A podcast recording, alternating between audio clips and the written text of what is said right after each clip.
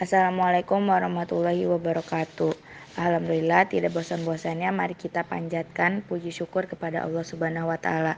Semoga sholawat serta salam selalu tercurah limpahkan kepada junjungan kita Nabi Muhammad Shallallahu alaihi wasallam. Hari ini kutumnya tentang sabar ya. Sabar berasal dari kata sobaro yasbiru yang artinya menahan. Sabar adalah menahan diri dari kesusahan dan menyikapinya sesuai syariah dan akal. Sabar merupakan ajaran yang banyak sekali disinggung dalam Al-Quran maupun hadis. Kesabaran yang sebenarnya adalah kemampuan dalam mengendalikan sikap. Allah Subhanahu wa taala berfirman dalam Quran surat Al-Baqarah ayat 153 yang artinya, "Hai orang-orang yang beriman, jadikanlah sabar dan sholat sebagai penolongmu. Sesungguhnya Allah beserta orang-orang yang sabar." Dalam ayat tersebut Allah menjelaskan kepada kita bahwa Allah akan selalu beserta mereka yang menjadikan sabar dan sholat sebagai penolong.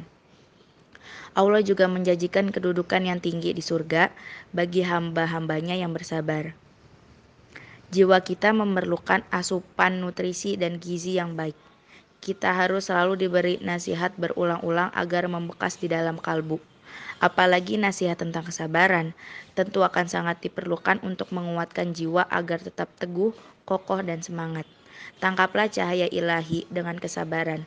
Kesabaran bagi diri manusia merupakan dia, yaitu cahaya yang amat terang. Karena dengan kesabaran inilah seseorang akan mampu menyingkap kegelapan hidup di dunia. Jadikan sifat sabar sebagai identitas keimanan dan keislamanmu. Kesabaran merupakan salah satu sifat sekaligus ciri orang mukmin yang dicintai Allah. Ajaklah kalbumu untuk meneguhkan keimanan bahwa kesabaran adalah harga mati kekuatan iman dalam dirimu.